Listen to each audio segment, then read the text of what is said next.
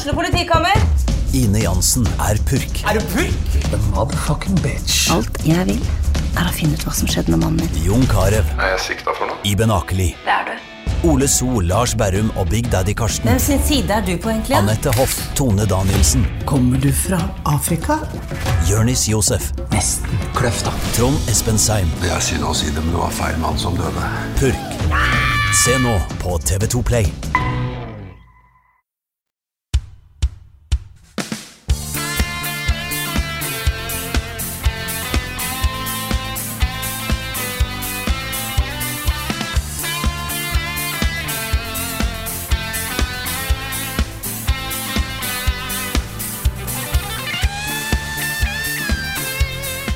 Litt godt å være fulltallig igjen. Velkommen til en ny episode av podkasten Level Backup med meg, Frida Danmo. Og med meg i dag har jeg Karl Martin Hogsnes og Rune Fjell Olsen, den vanlige trioen. Hallo, folkens.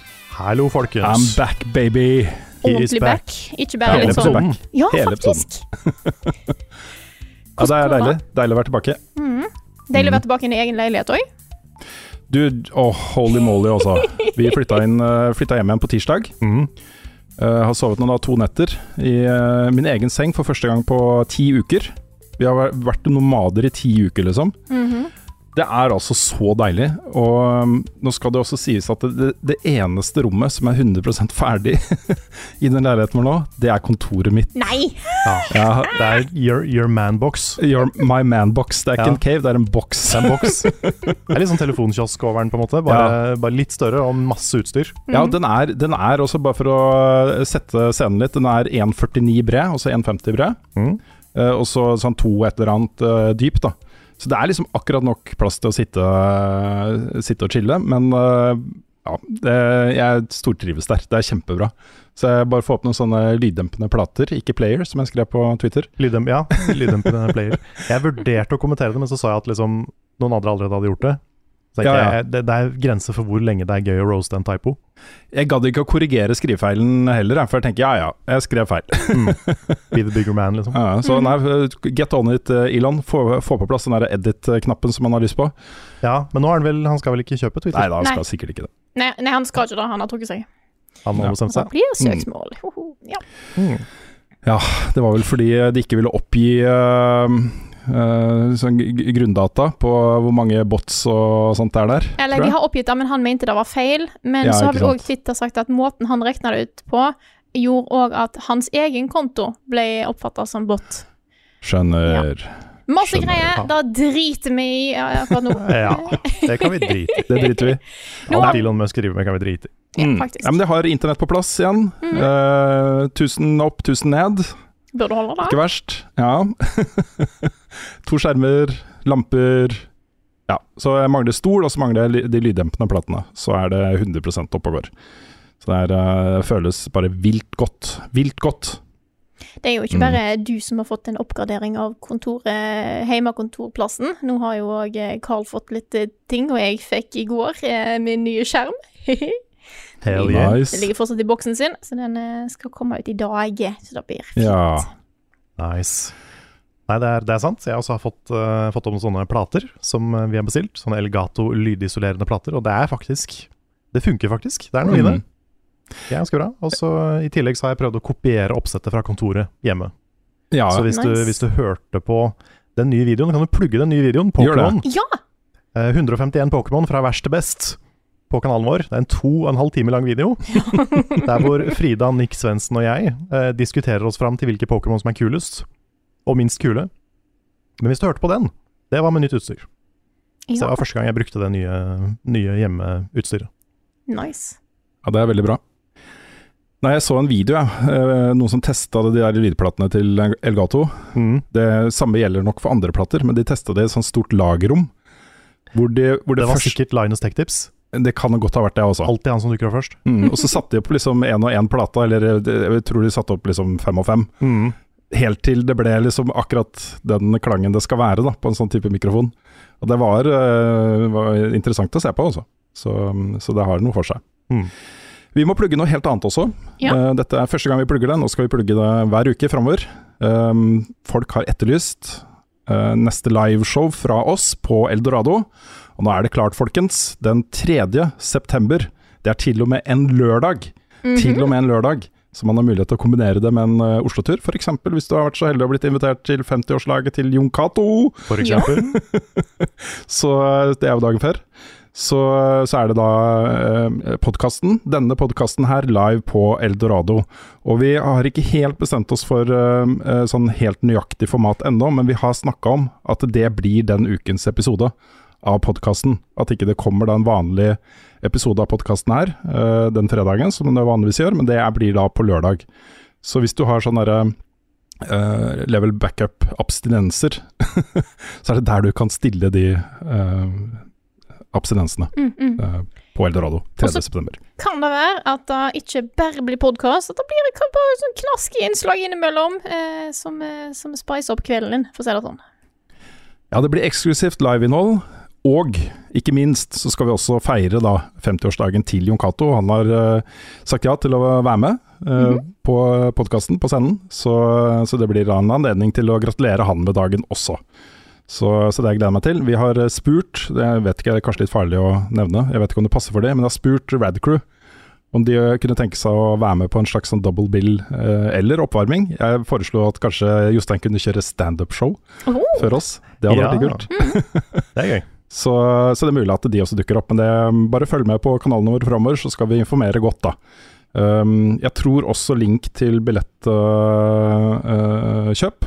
vil uh, bli lagt inn i beskrivelsen av den, denne episoden her, men i hvert fall da på alle våre andre kanaler, så fort den er klar, da. Uh, men det er altså 3. september på Eldorado. Showet vårt starter 8 uansett. Um, mulig at dørene åpner litt tidligere, da, hvis Radcrew kommer på før oss.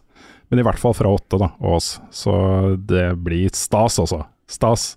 Det er utrolig kult at vi kan stille liksom med fullt podcast-crew på scenen. At du kommer ned fra Trondheim og greier, Frida. Det er Oi, ja. alltid gøy, altså. Det er perfekt eh, timing. Den gangen jeg skal til Oslo, så prøver jeg å finne ut kan vi gjøre noe mer i tillegg. Ja. så det er veldig fint at vi kan få til det mens jeg først er der. Mm. Ikke sant? Feed the content machine. Ah, yeah.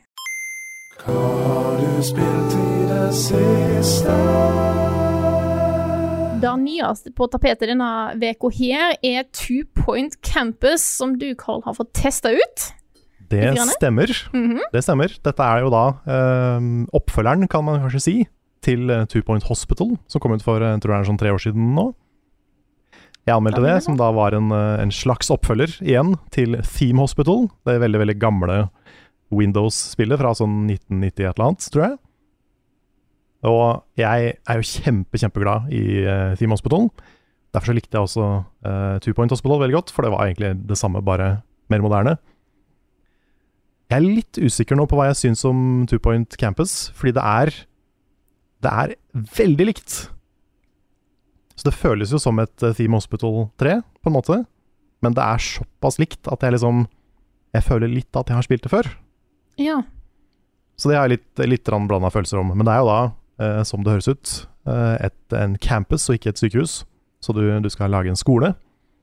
Du er en rektor slash eh, arkitekt, eller noe sånt, som skal liksom da bygge den perfekte skolen. Og du har jo, hvis du har spilt Theme Hospital eller Two Point, så har du på en måte alle de samme gameplay-greiene. Istedenfor en eh, GPs office, så har du en sånn auditorium. Og istedenfor et uh, sånn sykehus-ward, så har du uh, et bibliotek. som du kan bygge forskjellige bokhyller og sånn for å booste forskjellige, uh, forskjellige fag. Og så har du dorms. Og jeg har fortsatt ikke helt skjønt den beste måten å lage dorms på. Fordi da jeg begynte å spille, så gjorde jeg det litt sånn som Litt sånn som det jeg kjenner fra liksom skoler jeg har gått på, sånn folkehøyskole og sånn. At jeg lager sånne små rom med liksom to senger, mest dobbeltrom. Så bor studentene der, liksom. Men visstnok, da, så er det mye mer effektivt å lage en kjempesvær, altså én kjempesvær dorm som er stappfull av senger. så jeg driver og jeg er litt sånn usikker på om liksom, skal jeg gjøre det, eller føles det moralsk feil? Ja. For da blir du litt sånn der fengsel. Så um, jeg har ikke helt liksom funnet min, min stil ennå. Men, um, men dette er jo, da, for de som ikke kjenner til i spillet her, en slags uh, Hva skal man kalle det? Er det en simulator, eller blir det feil? Det er en slags sånn bygge... Altså, du bygger et uh, bygger da en skole, og så skal du drive skolen. Du må tenke på budsjett, du må tenke på uh, layout. Du må kjøpe nye tomter hvis det ikke er plass. Og så må du bygge nye rom for nye fag. Og um, researche nye ting, trene opp ansatte, velge ut hvilke ansatte du skal, eh, du skal ha med. Så må du ha eh, janitors og sånne type ting for å ordne opp i søppel. Og så er det veldig sånn humorbasert, eller sånn britisk humor, hvor eh, det er en announcer som er rett ut av uh, Two Point Hospital, som, uh, som av og til er morsom. Av og til ikke fullt så morsom, men det er, det, er, det glimter til av og til. Det er litt sånn uh, uh, Yearly reminder that I'm not your friend. Og sånne typer liksom, meldinger som er veldig sånn skolefokusert. da. Mm. Altså, Staff reminder dogs don't eat homework. Mm. Og sånne ting. Det er, sånn, det er, det er litt sånn he-he, jeg liker jeg. Lun humor. Mm. Lun humor, det er kanskje Ja. riktig å si. Men det er også noen ganger at det går litt At, at det blir litt masete. Sånn som det er en stemme som høres veldig ut som Mr. Burns fra Simpsons, som bare føles litt sånn De prøver å gå for et sånn morsomt radioprogram, men så er det ikke så morsomt. Og da blir det litt distraherende. Og så føler jeg kanskje ikke at de lener seg nok inn i den der skolehumoren. Fordi det er, så, det er så utrolig mye du kan spille på med skoler. Det er jo ekstremt mange sitcoms opp gjennom tidene som har vært satt på skoler, og det er grunner til det, liksom. Mm. Men eh, jeg bare, jeg vet ikke. Jeg føler at det er fortsatt litt mye hospital i det, på en måte. Kanskje ikke de har helt klart å omfavne den nye settingen for alt den er verdt, da. Men, eh, men hovedgameplay er det samme, og det er jo bra. Jeg ga jo uh, Two Point Hospital en åtte av ti da det kom. Og det er jo ikke kvalitetsmessig noe dårligere, dette her. Det er bare, det føles litt mindre friskt, fordi det på en måte har blitt gjort før. Mm. Så um, jeg har jo spilt nå kanskje sånn 15 timer av det, og har fortsatt ikke liksom funnet en sånn stor ting da, som gjør at det skiller seg veldig ut fra det forrige. Så um, hvis ikke jeg finner det, så kan det hende at det at jeg gir en litt dårligere score den gangen her. Bare fordi det er, det er litt for kopiert, på en måte. Mm. Men um, det er jo fortsatt gøy, da. Det er jo en type spill som jeg er veldig glad i. Og fortsatt en sånn morsom, quirky uh, spillopplevelse, liksom. Så du kan sette deg ned med og kose deg med, og du kan ha en podcast på i bakgrunnen hvis ikke du vil høre på Two Point Radio og, og sånn. Så um, det er mye bra, men litt for likt. Hmm. Hmm. Ellers så har jeg fortsatt på Live Alive. Live Alive? Live Alive, og er nå gjennom seks av sju stories. Tipper kanskje det er en åttende, fordi det er jo sju sånne unike, og så er det sikkert et eller annet på slutten når man har spilt alle. Men det er gjennom seks av de. Uh, eneste jeg ikke har spilt til nå, er den som heter Near Future. Og det er, Og er det et near-spill? Nei, nei, det er ikke et, Near-spill. Men uh, du vet aldri. Plutselig, vet du, så er jeg Plutselig, plutselig, plutselig. Ja. You never know. You never know. Men jeg har da spilt uh, Prehistory, som er det teiteste kapitlet. Det, det, var, det var skikkelig teit. Det var sånn Nok en gang et forsøk på liksom Hvis du prøver deg på humor, og så funker det ikke, så var det liksom dialog Det var, det var en- ikke noe dialog, det var bare sånn grynting. Og så Nei, jeg tror ikke jeg skal, jeg jeg skal spoile hvordan det ender, men, uh, men det er sånn Det hadde vært morsomt hvis ikke det var så teit. OK. Um, men det er også et, eh, et Wild West-kapittel, som er kanskje favorittkapitlet mitt. Hvor du er da uh, The Sundown Kid, som kommer inn til byen. En sånn lone gunman. Uh, og så skal du beskytte en liten by fra å bli angrepet av banditter. Og da skal du bygge feller og lære opp liksom de som bor i byen, til å klare å beskytte byen. Da. Og det er kjempekult. Det er kanskje det kuleste kapitlet. Så er det også et uh, Edo Japan-kapittel, hvor du er en, eh, en shinobi som skal snike deg inn i en svær sånn, eh, sånn svær, svært, svært hus. En palass, nesten. Eh, og redde en fyr. Og det er et sånt kapittel hvor du kan velge om du vil være pasifist eller ikke. Ja. Om du vil gå liksom full stealth, eller bare knerte alle. Og det hadde vært kult, hvis ikke det var så utrolig clunky. Mm. Det er veldig sånn du merker at dette er stealth mechanics fra Super Nintendo. Og um, så fikk jeg en bug. Det var veldig irriterende, for jeg hadde gjort alt riktig, som er ganske vanskelig uh, å få til. Men så fikk jeg en sånn utrolig irriterende bug på slutten, og det var, det var en bug som gjorde at jeg ikke kom meg videre uten å liksom drepe noen, da. Og da var liksom alt jeg hadde jobba for, var, føltes veldig bortkasta. Så det var kjedelig. Så det, det kapitlet tapte seg litt for meg, for meg det òg. Så er det et uh, Far Future-kapittel, som uh, basically er Alien, blanda med 2001. Som er ganske stilig. Veldig lite combat-fokusert, men veldig sånn story visual novel, nesten. Så det er en, det er en god blanding. Men jeg syns kapitlene er litt hit and miss. De som er veldig bra, de er kjempebra. Og de som ikke er like bra, de blir du fort ganske lei av. Så um, Ja, jeg vet, ikke, jeg vet fortsatt ikke helt hva siste helhetsinntrykket kommer til å være. Men jeg skal spille igjennom, for nå er det ikke så mye igjen. Så det er stort sett det jeg har spilt i det siste. Hmm. Jeg kan godt uh, ta over. Mm. Ja, kjør på.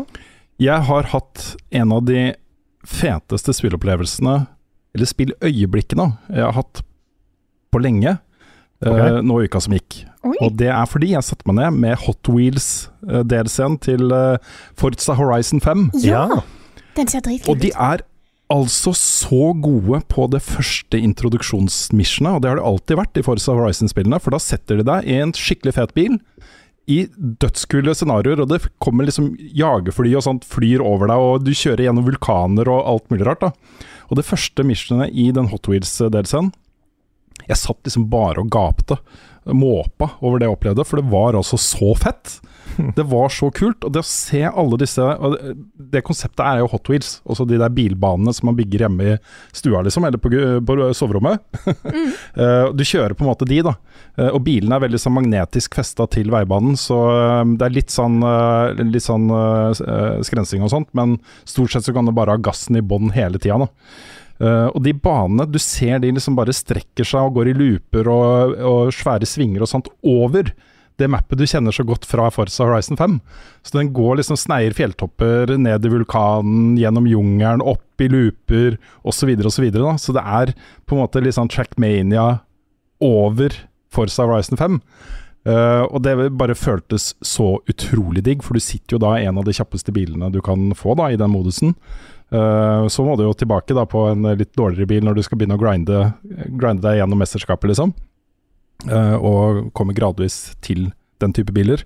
Men selve den, også det åpningsbrettet var bare så fett. Det er en sånn moment som jeg kommer til å huske lenge. Den følelsen av å kjøre rundt på de banene uh, der var bare helt overlegen, også.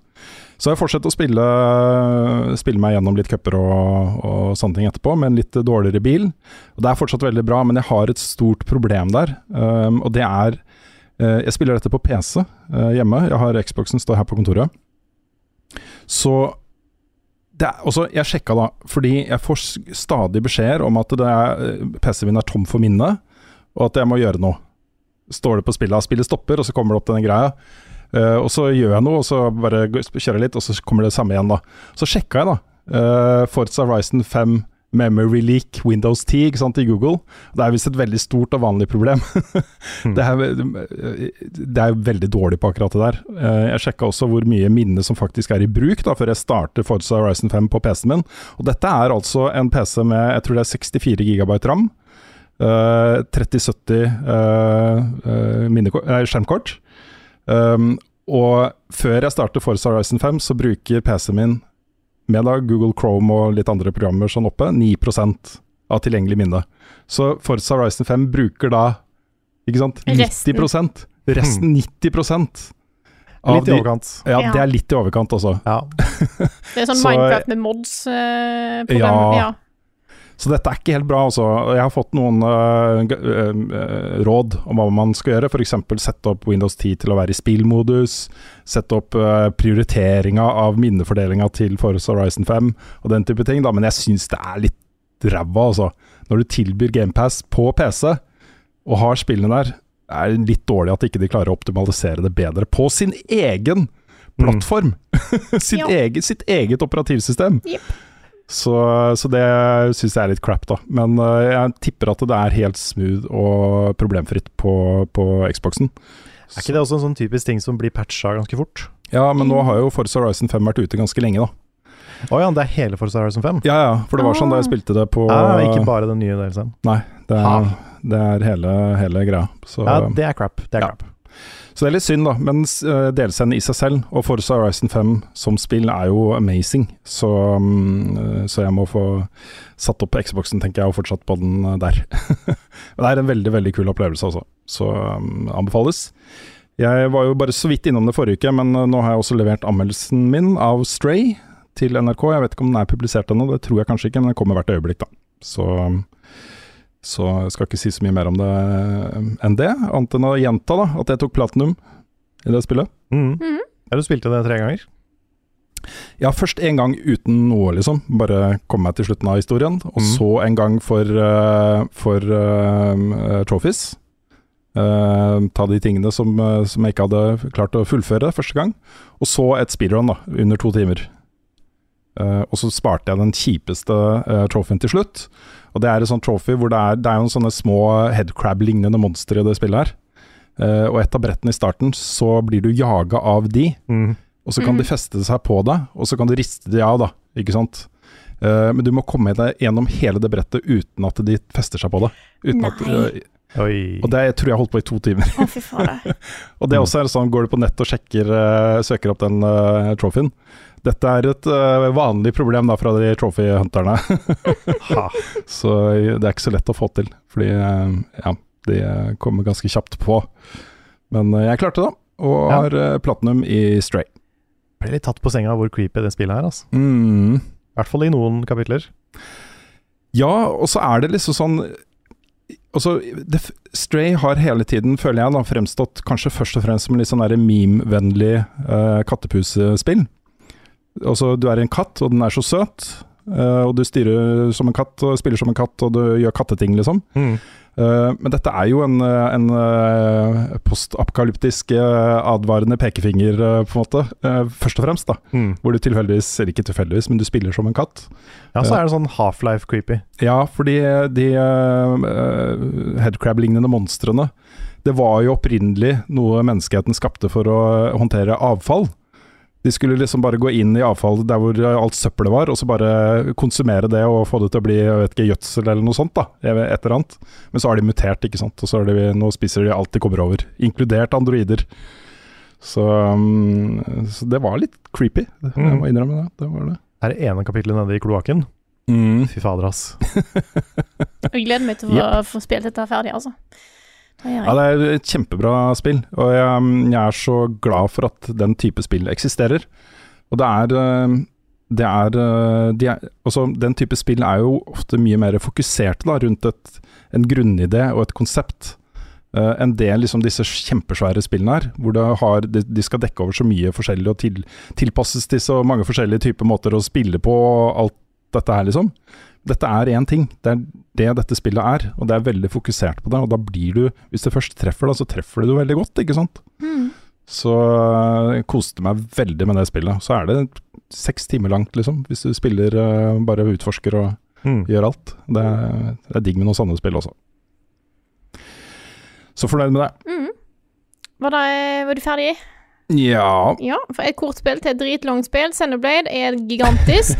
Eh, jeg har fortsatt meg gjennom det. Nå har jeg har bikka 30 timer, tror jeg. Ok.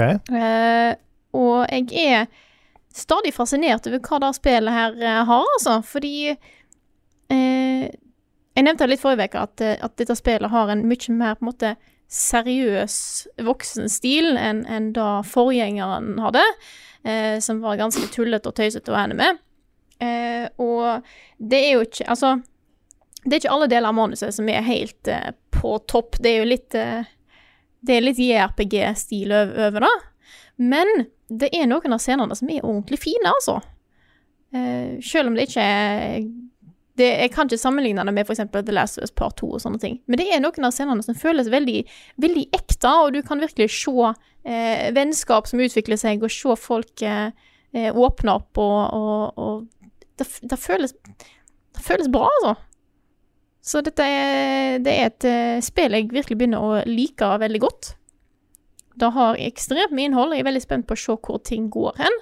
Jeg har nevnt det før òg, men dette er spill jeg må spille igjennom før jeg kan anmelde det, fordi at historien er så viktig, og disse spillene her er kjent for twists.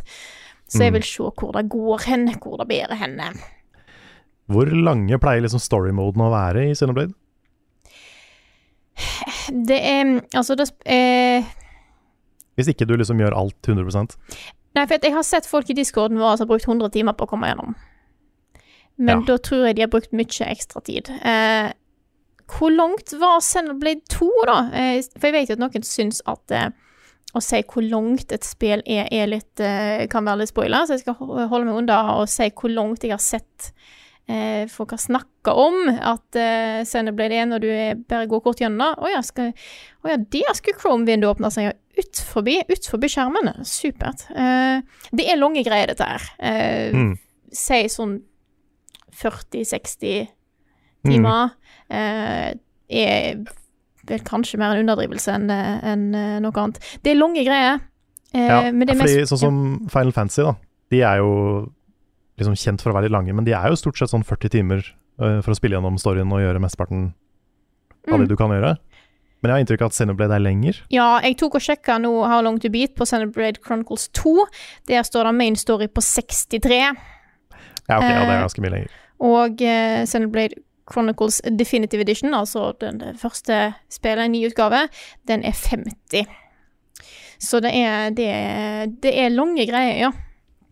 Men det er det jeg må si, da, er at jeg syns ikke dette føles grindy i det hele tatt. Så langt så har jeg har gjort kun ting jeg har hatt lyst til å gjøre. Jeg har ikke søkt ut eh, sidequests mer enn at jeg tar de som dukker opp, eh, og tar de jeg har lyst til å gjøre. Eh, og jeg har alltid følt at jeg har vært på rett level, eller litt over, faktisk. Um, så da syns jeg de er veldig bra. Det føles ikke som ekstremt mye filler-content som er kasta inn. Eh, jeg syns mange av områdene er utrolig stilige. For meg er det alltid Xenoblade Chronicles X som sitter på toppen her av de aller stiligste områdene. Eh, men det jeg legger merke til, er at hvis du kun følger historien, så du Så kan du plutselig misse svære områder. Helt eh, særegne områder. Det gjorde jeg eh, nylig, for jeg begynte å sjekke litt. OK, hva har jeg ikke gjort ennå?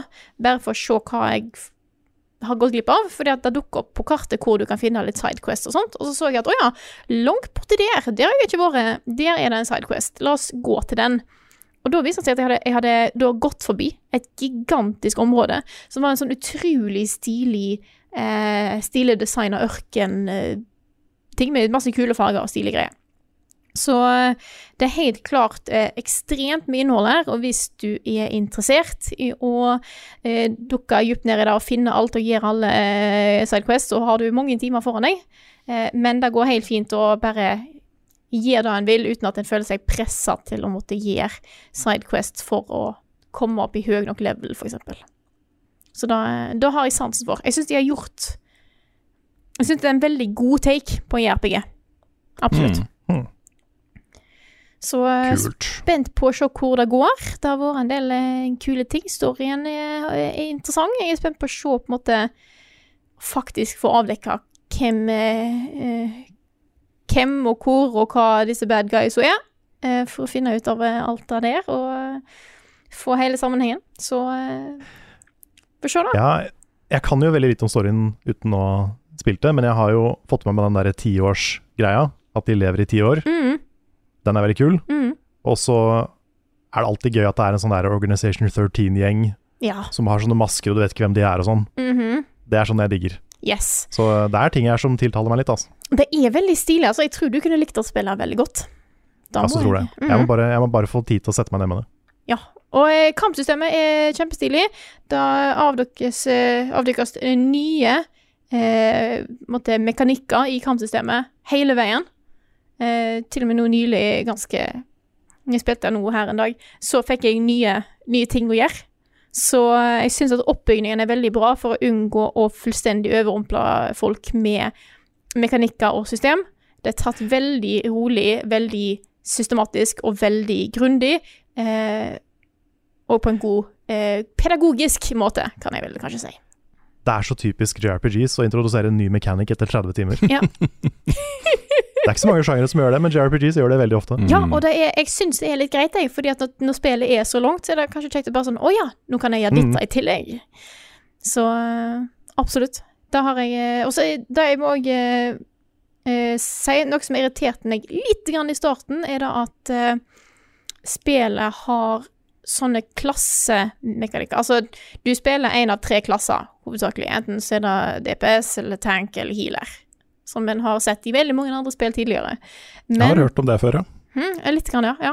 Mm. Så, eh, men det som er tingen er at hver karakter her har sin egen variant av en klasse. Eh, og hver gang du gjør et hero mission som involverer en spesifikk person, som har eh, spesifikt sett med angrep, så kan du lære deg den klassen. Sånn at eh, spillet oppfordrer deg veldig til å teste ut nye ting. Eh, Max-ranken på klassen er 10 og du starter med maks i din klasse. Så med en gang du har nådd 10, så sier spillet å, nei, men eh, nå har du nådd 10, så nå bør du bytte til en annen du ikke har nådd maks rank på. Så han hele tida på en måte oppfordrer deg til å teste nye, eh, nye system. Jeg har jo lyst til å være eh, originalklassen, eh, må jeg innrømme, men jeg, jeg har funnet en del kule underveis nå, så jeg eh, har litt sansen for det, for det gjør at du hele tida må variere måten du spiller på eh, og teste litt nye ting. Og da finner jeg ut å ja, denne her klassen her suger. denne er ikke for meg i det hele tatt. Eller å ja, ok, denne her likte jeg mye mer enn jeg skulle trodd. Eh, og så lærer en seg òg mer om hvordan kampsystemet fungerer samtidig, for det er ganske intrikate greier. Så, så langt, veldig fornøyd. Spent på hvor det går hen.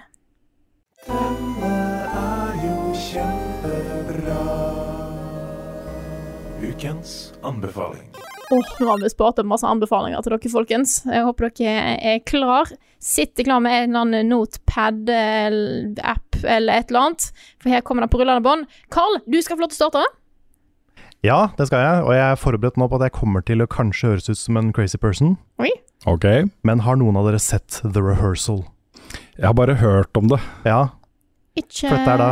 For å sette scenen Det er få, det er veldig vanskelig å snakke om den serien her, for den er så mye samtidig. Men uh, første episode, da, for å introdusere den litt, så uh, starter det med en fyr som har søkt om å være med på et program fordi han sliter med en løgn som han har gått og båret på. Hvor han har uh, Dette er da en sånn slags doku reality-greie, så dette er en ekte person. Med en ekte løgn. Med en ekte løgn. Kanskje. Kanskje, ja, det er, det er nok det. Eh, men han har jo da um, ljugd til vennene sine, et sånt quizlag som han er med på, om at han har en mastergrad, der han egentlig bare har en bachelorgrad. Ah. Og han har gått liksom i ti år, kanskje, jeg husker ikke om det er nøyaktig ti år, men det er rundt der, og bare grua seg til å fortelle hatt dårlig samvittighet, og så har det vokst og vokst og vokst, og han sliter med å si det. Så han har da sendt inn litt sånn uh, rop om hjelp da, til dette TV-programmet, som han har inntrykk av at kan hjelpe ham med det her. Og da uh, kommer Nathan Fielder på døra. Dette er en komiker, uh, kjent fra noe som heter Nathan for you, som jeg ikke har sett. Bare sånn, jeg vet at mange sier at du må se det også. Det har jeg ikke gjort ennå. Men han kommer på døra, så snakker de litt, og tuller litt og blir kjent, liksom. Og så sier da Nathan Fielder til denne fyren her at uh, denne samtalen har jeg øvd på mange, mange, mange ganger. Fordi for en uke siden så var det noen som kom for å sjekke komfyren din. Men egentlig så var det teamet vårt som tok en 3D-modell av hele leiligheten din. så de har bygd et studio av leiligheten hans, der hvor da Nathan Fielder har øvd med en statist som spiller han, for å få den perfekte førsteinntrykkssamtalen, sånn at den samtalen skulle gå, gå bra. Ja. Og da sier han da til han fyren at eh, dette er det vi kan gjøre for deg. Vi kan bygge liksom et studio, vi kan la deg øve på denne vanskelige samtalen så mange ganger du vil, på en så realistisk måte som mulig, for å gjøre det lettere. Og planlegge for alle mulige utfall. Med da en haug med statister, en skuespiller som studerer dama han skal si det til. De tar det liksom så langt det er mulig å ta det. Noen ganger så er det litt sånn etisk uh, grått, liksom. Litt sånn questionable, er dette greit? Går over i litt sånn derre uh, reality-ting som kanskje ikke er helt ok. Men det er også en kritikk av alle de tinga. Det er hele tida en liksom fram og tilbake commentary på liksom Er det her moralsk riktig eller ikke?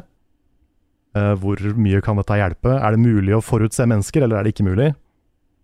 Og det er på en måte premisset for første episode. Men det er ikke premisset for hele serien. For det går mye lenger. OK. I masse forskjellige retninger. Og episode to er noe helt annet. Jeg har ikke lyst til å spoile det engang, men det tar, det tar så fuckings av. Og det er en sånn derre fram og tilbake konflikt og liksom en sånn Du blir litt gæren av å se på det, fordi du hele tida så skifter det mellom skuespill og fiksjon og virkelighet. Og hoved, altså programlederen, som er Nathan Fielder, han spiller også en rolle, på en måte. Mm. Han er jo ikke seg sjøl som person, sannsynligvis. Han er sikkert noen som ligner litt, men det er fortsatt liksom en, en karakter, da. Og de ekte menneskene som er med, blir liksom blanda med alle skuespillerne. Det er ikke alltid de vet hva som er skuespill og hva som er ekte. Det er ikke sikkert alltid seerne vet det, for alt vi vet. Mhm. Kanskje noe av det som blir framstilt som ekte, er skuespill, det også. Mm. You never know. Men den serien her er så hypnotiserende og så fascinerende å se på. Hvor er det han går? HBO Max. HBO okay. Max. Så bare Jeg kommer til å høres gærnere ut jo mer jeg prøver å forklare hva serien er for noe, men den, den må bare ses, altså. Jeg har aldri sett noe sånt på TV før. Jeg har ikke vært så obsessed med en TV-serie på mange, mange år. Nei, siden Paradise.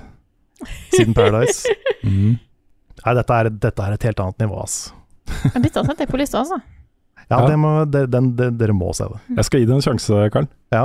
Og så er det litt sånn derre Kanskje litt sånn cringe comedy over det, men ikke, samtidig ikke. Så er det veldig kynisk reality, samtidig som det er en kritikk av kynisk reality. Og det er humor, og det er litt holdsom, og det er liksom alt på en gang. Mm. Så det er, det er, det er helt uh, mesmerizing. Herlig. Eh, Kan jeg få ta over? Ja, Ja. du kan ta over. Ja, fordi um, fra uh, mes ene mesmerizing til andre mesmerizing Den store, store snakkisen akkurat nå, det er jo at neste uke er det seriefinale på Better Call Saul. Det er siste episode. Mm. det? Um, det, det kan jo hende at uh, skaperne vender tilbake til Breaking Bad-universet seinere, det vet oh, man jo liksom aldri. Nei, jeg tror de har sagt at de ikke skal gjøre det. Jeg Ja, fordi jeg så dette føles, dette føles som det liksom endelige punktumet for det som har blitt et ganske stort univers. Da. Fordi først hadde du Breaking Bad, som gikk i mange sesonger, og så hadde du eh, El Camino, eh, filmen, om eh, hva som skjedde da med, med han etter, etter siste episoden av den. Og så begynte det jo på Better Call Saul, som jo er forhistorien til Breaking Bad. Og da følger du da Saul Goodman, eller Jimmy McGill, som han egentlig heter. og hvordan han ble da Saul Goodman, ikke sant? den du kjenner fra Breaking Bad. Og nå har jeg da sittet i sommer og bincha alt sammen. Jeg så gjennom alt av Breaking Bad, og så så jeg El Camino, og så så jeg eh, Better Call Saul fra starten av, og nå er jeg helt a jour. Jeg så neste siste episoden, den kom på tirsdag. Den siste episoden kommer nå eh, tirsdag da, neste uke. Og Dette er, er så bra TV, og vi har fått noen spørsmål som jeg føler speiler litt eh, følelsen rundt Better Call Saul. Eh, et fra uh, Maskin-David, som eh, skriver da Hva tenker dere om Better Call Saul sesong 6? For min del har den overgått Breaking Bad nå, og jeg har ikke vært borti så bra TV før. Eh, og det samme sier uh, eh, Ja, det var jo Maskin-David det også, så det kan jeg ikke da. Eh, men Kappi da spør Har du kommet deg gjennom alt som har kommet ut av Call Saul etter Breaking Bad, og hva syns du så langt det er mulig at det er til meg? Jeg er ikke helt sikker. Men uansett, dette er Min følelse rundt det også er at nå som jeg har sett gjennom hele Breaking Bad og hele Better Call Saul back to back, så vil jeg nok si at jeg også rangerer Better Call Saul hakket over. da. Jeg syns begge er fantastiske, men Better Call Saul er er mer, på en måte. Den har mer, flere lag eh, eh, enn det Better Call Saul har, føler jeg. da. Det er utrolig bra laga. Eh, og så er jo også premisset litt sånn at hvis du har sett Bet eh, Breaking Bad, så får du mer ut av Better Call Saul. Fordi når du begynner å liksom introdusere da, rollefigurer som du kjenner fra Breaking Bad, fra hvem de var før Breaking Bad, så Mm. begynner det å bli ganske interessant. Mm. Um, så eh, kan jeg også bare nevne kjapt at alle disse sesongene har jo starta med en scene da uh, i sort-hvitt, fra liksom Ok, hva har skjedd med Saul Goodman etter Breaking Bad? Uh, så du får litt og litt og litt av den uh, historien også, som første glimt da, i ny sesong. Og så går det en hel sesong, og så ser du ikke noe mer av det, men så kommer det da en nytt, nytt glimt til neste sesong. Og nå da på slutten så begynner det å gå mer inn på ok, eh, Saul, Saul Goodman etter Breaking Bad. Så det er en utrolig flott måte å skru alt sammen på, og binde det, det med en sånn sløyfe på, liksom. Det er eh, altså så sterkt, altså. Eh, så utrolig godt skuespill. Og nå er også Rhea Seahorn, hun som spiller Kim Wexler i Better Call Saul, endelig nominert til Emmy-pris for hennes rolle. Og det er sånn Ok, jeg, jeg sitter og ser Euphoria også nå, sesong to, og Zendaya er amazing der også, men hun vant forrige gang. Gi den her til Rhea Seahorn, altså. Det er noe av det beste skuespillet jeg har sett på TV noen gang. Det samme gjelder jo selvfølgelig Bob Odenkirk uh, som Saul. Uh, amazing. Og alle her gjør en utrolig god jobb, altså. Mm. Jeg har tenkt i flere år at jeg må se Better Cross All. Er det sånn at man må se et par halvdårlige sesonger før det blir bra, eller er det bra hele veien? Det er bra hele veien. Mm. Okay, okay. Det er bra hele veien. Jeg syns det, Eh. jeg, jeg, jeg synes det var litt tregt i starten, uh, men jeg syns det, det har vært quality. Mm. Absolutt. Ja, For jeg brukte sånn halvannen sesong på å komme ordentlig inn i Breaking Bad. Mm. Jeg syns det også var litt sånn slow i begynnelsen. Ja, Det går litt kjappere. Også det, Saul fokuserer jo veldig på det forholdet mellom da uh, Saul, altså Jimmy McGill, og broren hans, Chuck. Mm. Og Broren hans er jo en, en sånn stjerneadvokat, en legende. En av de skarpeste legal mindene som noen gang har vært i uh, den delen av USA.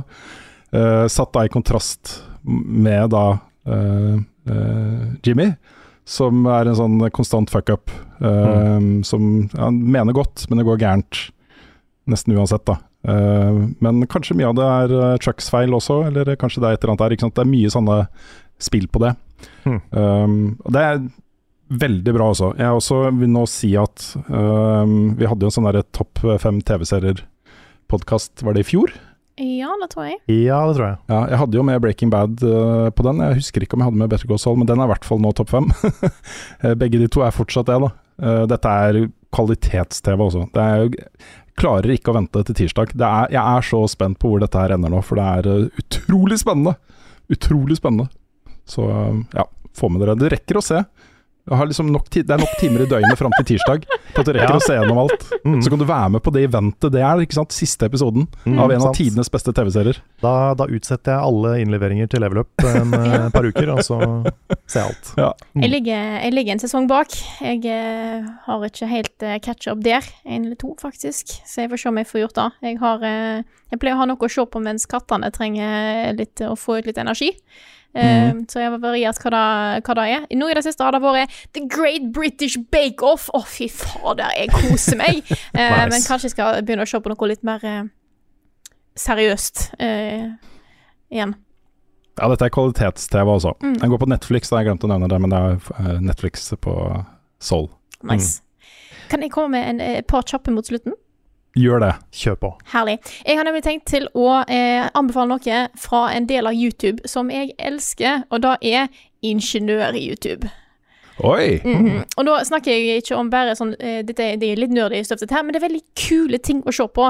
Eh, nå er- jeg har oppdaga en ny en som kanskje mange har hørt om før, for fyren har jo fem millioner subscribers, så det er ikke en liten kanal, dette her. Eh, dette er kanalen Stuff Made Here. Han lager veldig kule ingeniørting. Eh, lager maskiner og, som gjør helt insane ting. Og bare for å eh, sette litt eh, hvem han her er, så finnes det en del store aktører innenfor det jeg vil kalle ingeniør-YouTube, som lager eh, De har galne ideer, og så skal de bygge et eller annet som gjør den tingen. Og du har liksom i forskjellige jank-nivå, som jeg vil kalle det. Der du har noen som lager De har en god idé, og så lager de noe som akkurat funker, eller funker skikkelig teit, men det gir jobben. Eh, og da snakker jeg om William Osman. Eh, et hakk opp er jo Simone Gjertz, som lager kule roboter som gir kule ting. Eh, og Div. Eh, han her føler jeg er på toppen når det kommer til kvalitet, sikkerhet og gjennomføring. Eh, for han på Stuff Made Here, han lager seriøse greier, og han går ordentlig inn i ting. Og fyren har kunnskap, han har en mastergrad i eh, computer science, så han vet hva han driver med. Han lager de sjukeste greiene. Han har lagd ei, ei bue, sånn full av compound bow, eh, bow, med maskiner som da kan peile inn, så han får treffe eh, blinker som er i bevegelse, ved hjelp Oi. av både på en måte små eh, mekaniske ting som flytter på bua, uavhengig av hvor han holder den, for han holder den samtidig, og kamera plassert i rommet som peiler inn på hvor bua er, hvor han skal være, eh, planlegge hvor targeten flytter seg til for å treffe han. Det er helt insane, og fyren er kjempe, kjempeflink. Han har eh, lagd en baseball-bat eh, som er, som er charga med eksplosiver for å skyte en, eh, en baseball ekstremt langt. Eh, så, så de tingene han lager, er ridiculous. Og det er fascinerende å se, for han har ekstremt kule ideer, og måtene han eh, snakker på ting, går veldig grundig gjennom, forklarer eh, konseptene, forklare problemene, hvordan det løser det. Eh, det er ikke mer for de som er gira på ingeniørvitenskap og har erfaring med det. Dette er underholdning, eh, for rett og slett bare se hvordan genier tenker og, og løser ting.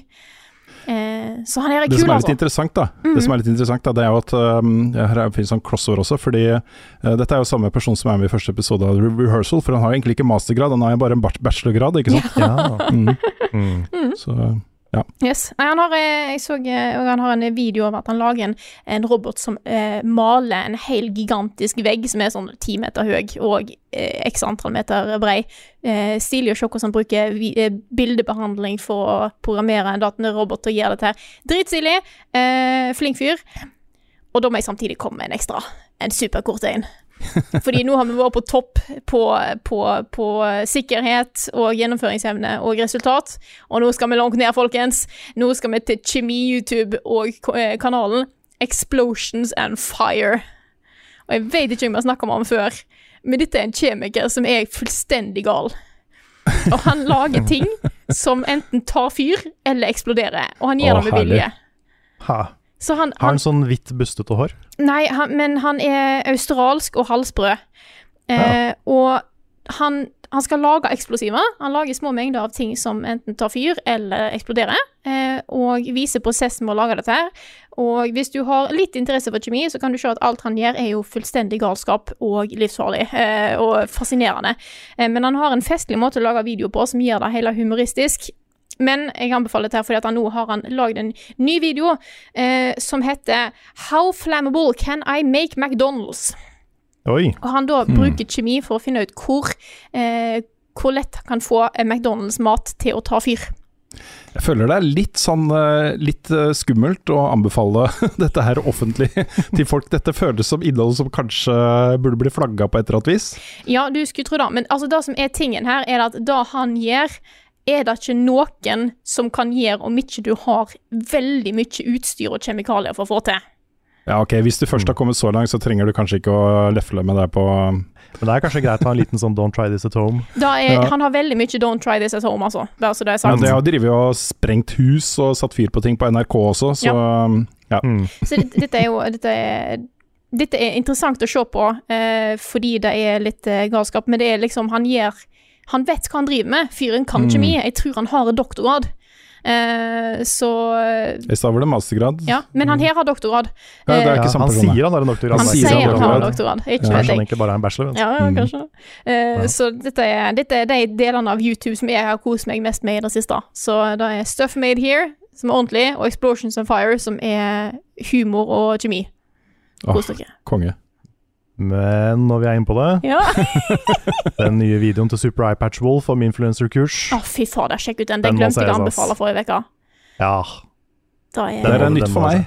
Hæ? Det her er nytt for meg. Jeg trenger et influenserkurs, så det passer Ja. bra. ja. Det, hvis du tar en, en titt på den videoen til Super iPatch Wolf på YouTube, Ja. han går gjennom alle disse YouTuber-influencer-kursa, hvordan få million subscribers in a week, eh, de tinga her. Aha.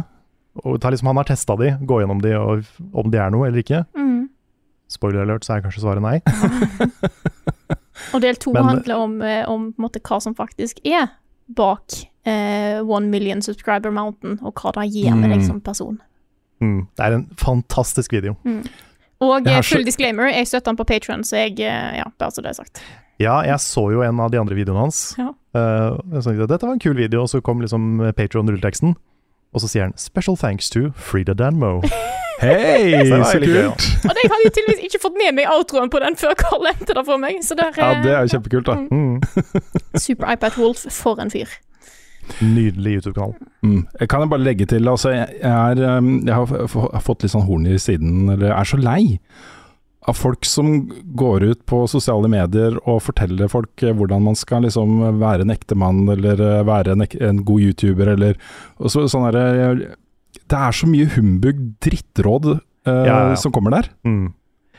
Det, er, det er sånne sjeleløse tips, på en Ja. måte. Og i tillegg så er det tips som kanskje funka for én person for tre år siden, Mhm. men nå er markedet og algoritmen noe helt annet. Mm. Så alle de råda er jo bare tull. Ja, jeg, jeg blir ordentlig provosert.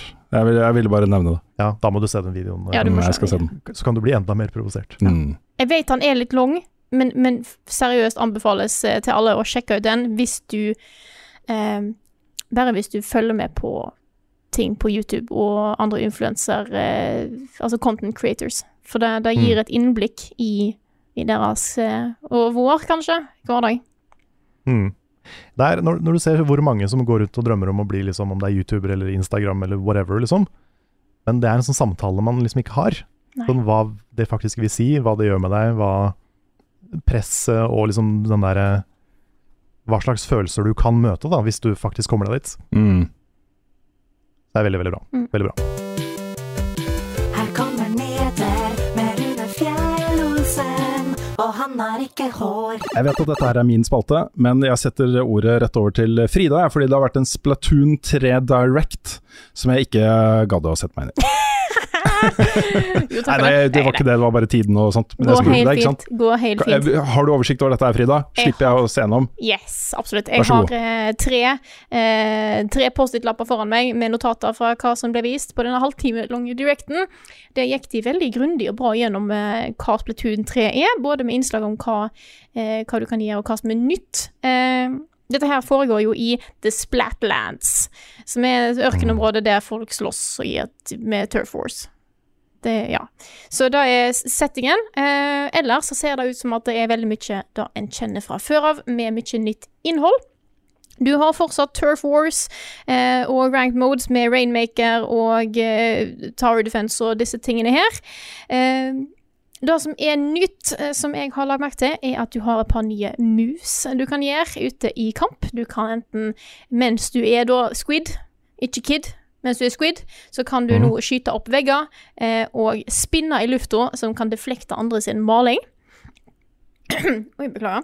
Eh, alle de basic våpnene fra tidligere er med, og de har lagt til et par nye. De største her er jo da ei bue som kan skyte ranged, og en Hva er det de kalte den? Splatana.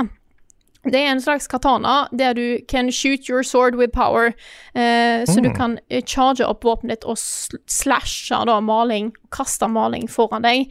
Eh, som òg da har en litt ranged i seg. eh, I tillegg En til sånn versjon av Rivers of Blood. Jeg tenkte på det, det er jo Rivers of Blood. Ja, Ja. det er Rivers of Paint eh, Ja. her, da, rett og slett.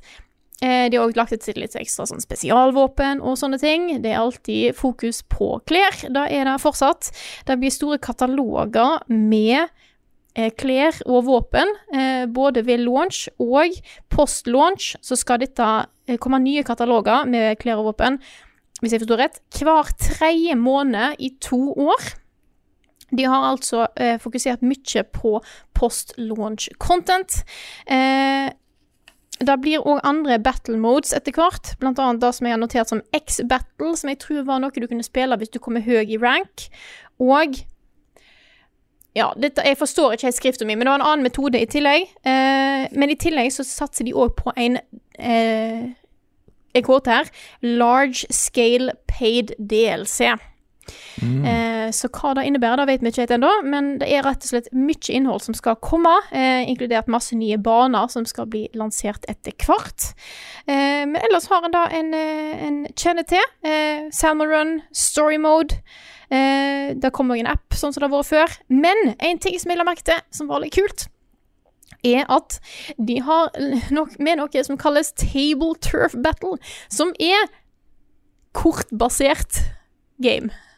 Så eh, mens alle andre spill òg har eh, plutselig card-based eh, dekkbilder-games, så har du òg fått da i Splatoon.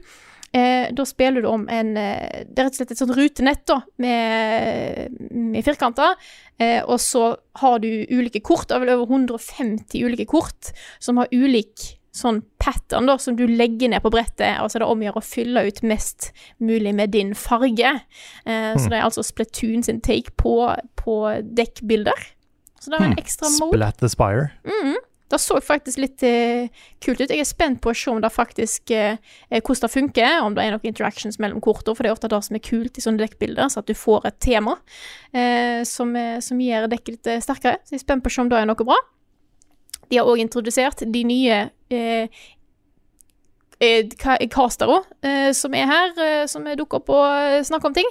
Dette er Fry and, Shiver og Big Man, eh, som er da to eh, To, to eh, jenter eh, og ei skate som skal snakke om hva som skjer, hva som er de modes som foregår, og sånne ting.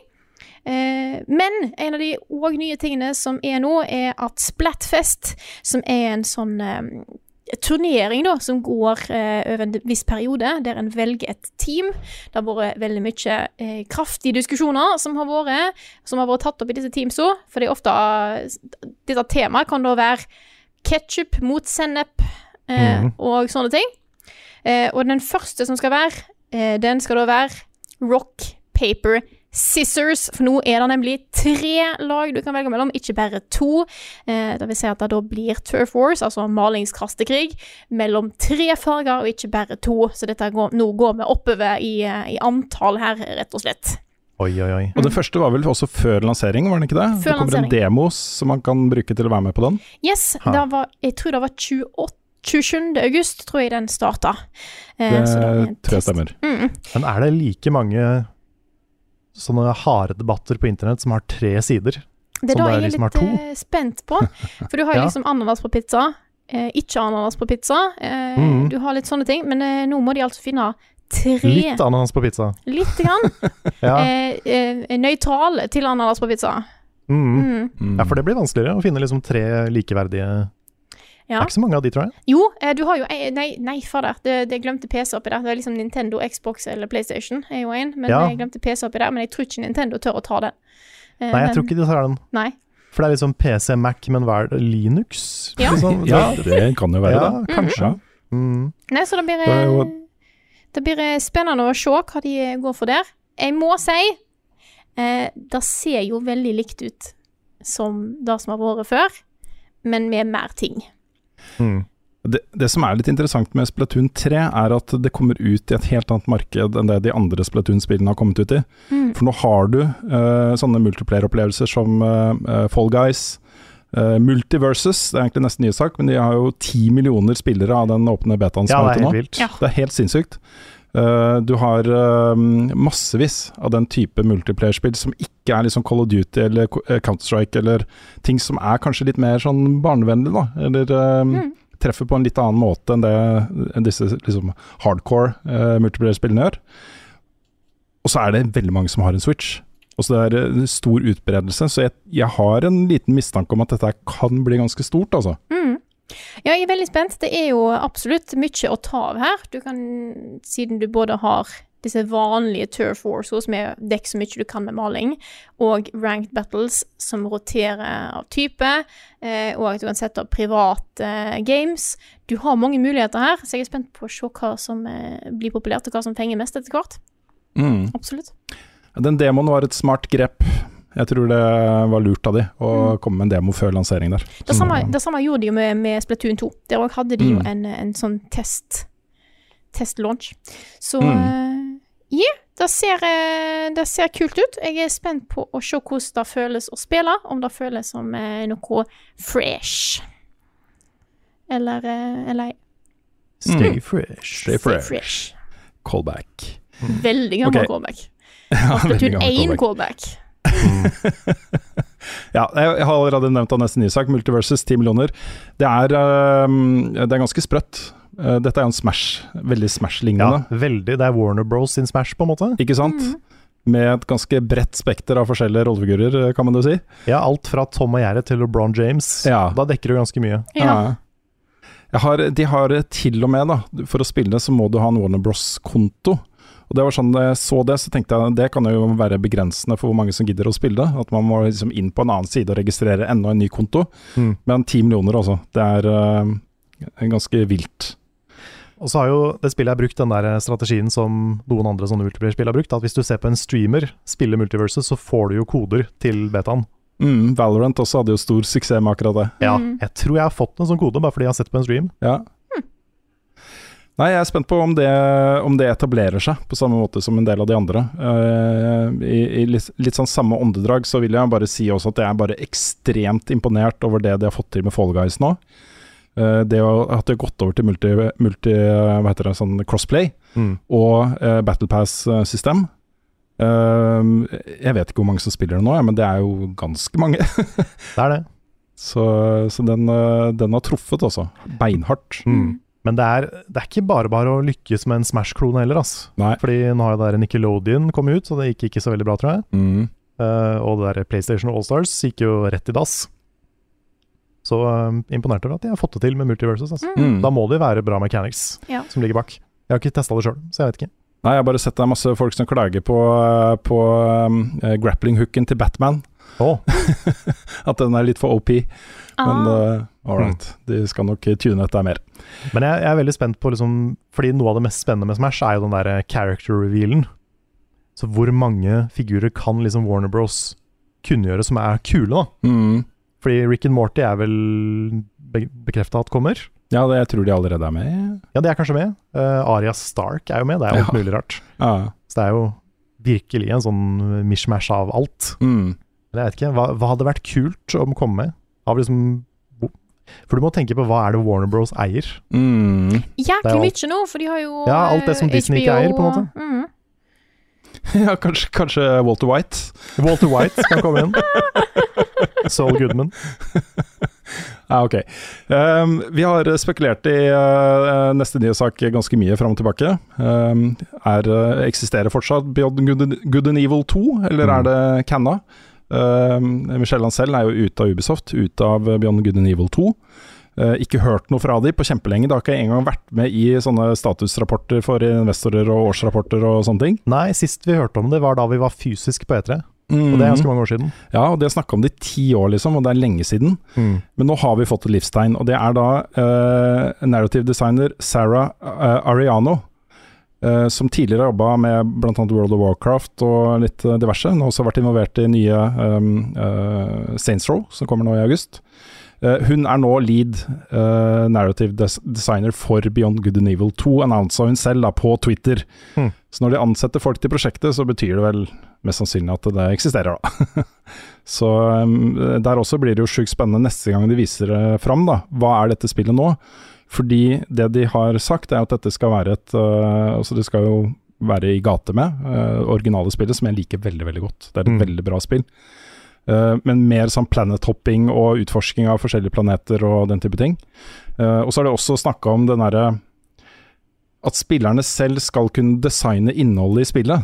Via en slags sånn marketplace. At du designer ting, og så plasseres det inn i spillet, og du kan tjene penger på det. Det er en eller annen sånn modell rundt det som jeg syns var litt rar. Og kan Ja. Elijah Wood også involvert i dette her? Et Jo, eller annet? men det var, hva heter han eh, Herregud, jeg burde huske hva han heter. Han som er Robin i, i eh, Dark Knight Rises og Han spiller jo alt mulig. Husker ikke hva han heter, men han, han som var på scenen på E3 for å presentere det her. det var han jeg tenkte på. Ja, det er ikke Elijah Wood. Nei, det var ok, greit. Jeg googler, for har de eh, John Blake? Nei. Nei. da er det er han som er Joseph Gordon-Lewitt. Ja, Ja, han er det. han spiller Robin heter John Blake. Jeg er bare sånn Hva i alle dager? Å, ja, så hopper jeg ikke langt nok ned. Riktig. riktig. Mm. Ja, for han um, Han sto på scenen og presenterte det her. Ja, for han driver et selskap som jobber med akkurat sånn asset-utvikling og den type ting. Mm. Og de fikk jo masse kritikk for at det på en måte var gratisarbeid. Ja. At de henta inn masse content fra folk som ikke fikk betalt. Så det var visst en del, en del kontrovers rundt det. Ja, for det skulle være så omfattende. At det kunne være liksom hele bydeler og bygninger og sånn som er designa av spillerne selv, da, og som er tilgjengelig for alle, liksom. Um, det, det er et eller annet med grunnkonseptet der som jeg har litt sansen for. Også det at man kan være med å påvirke innholdet i spill på den måten. Tror jeg det er mange som hadde hoppa på og syntes det vært gøy da, å Mm. gjøre, liksom. Uh, men uh, kanskje de burde fått litt betalt. Ja.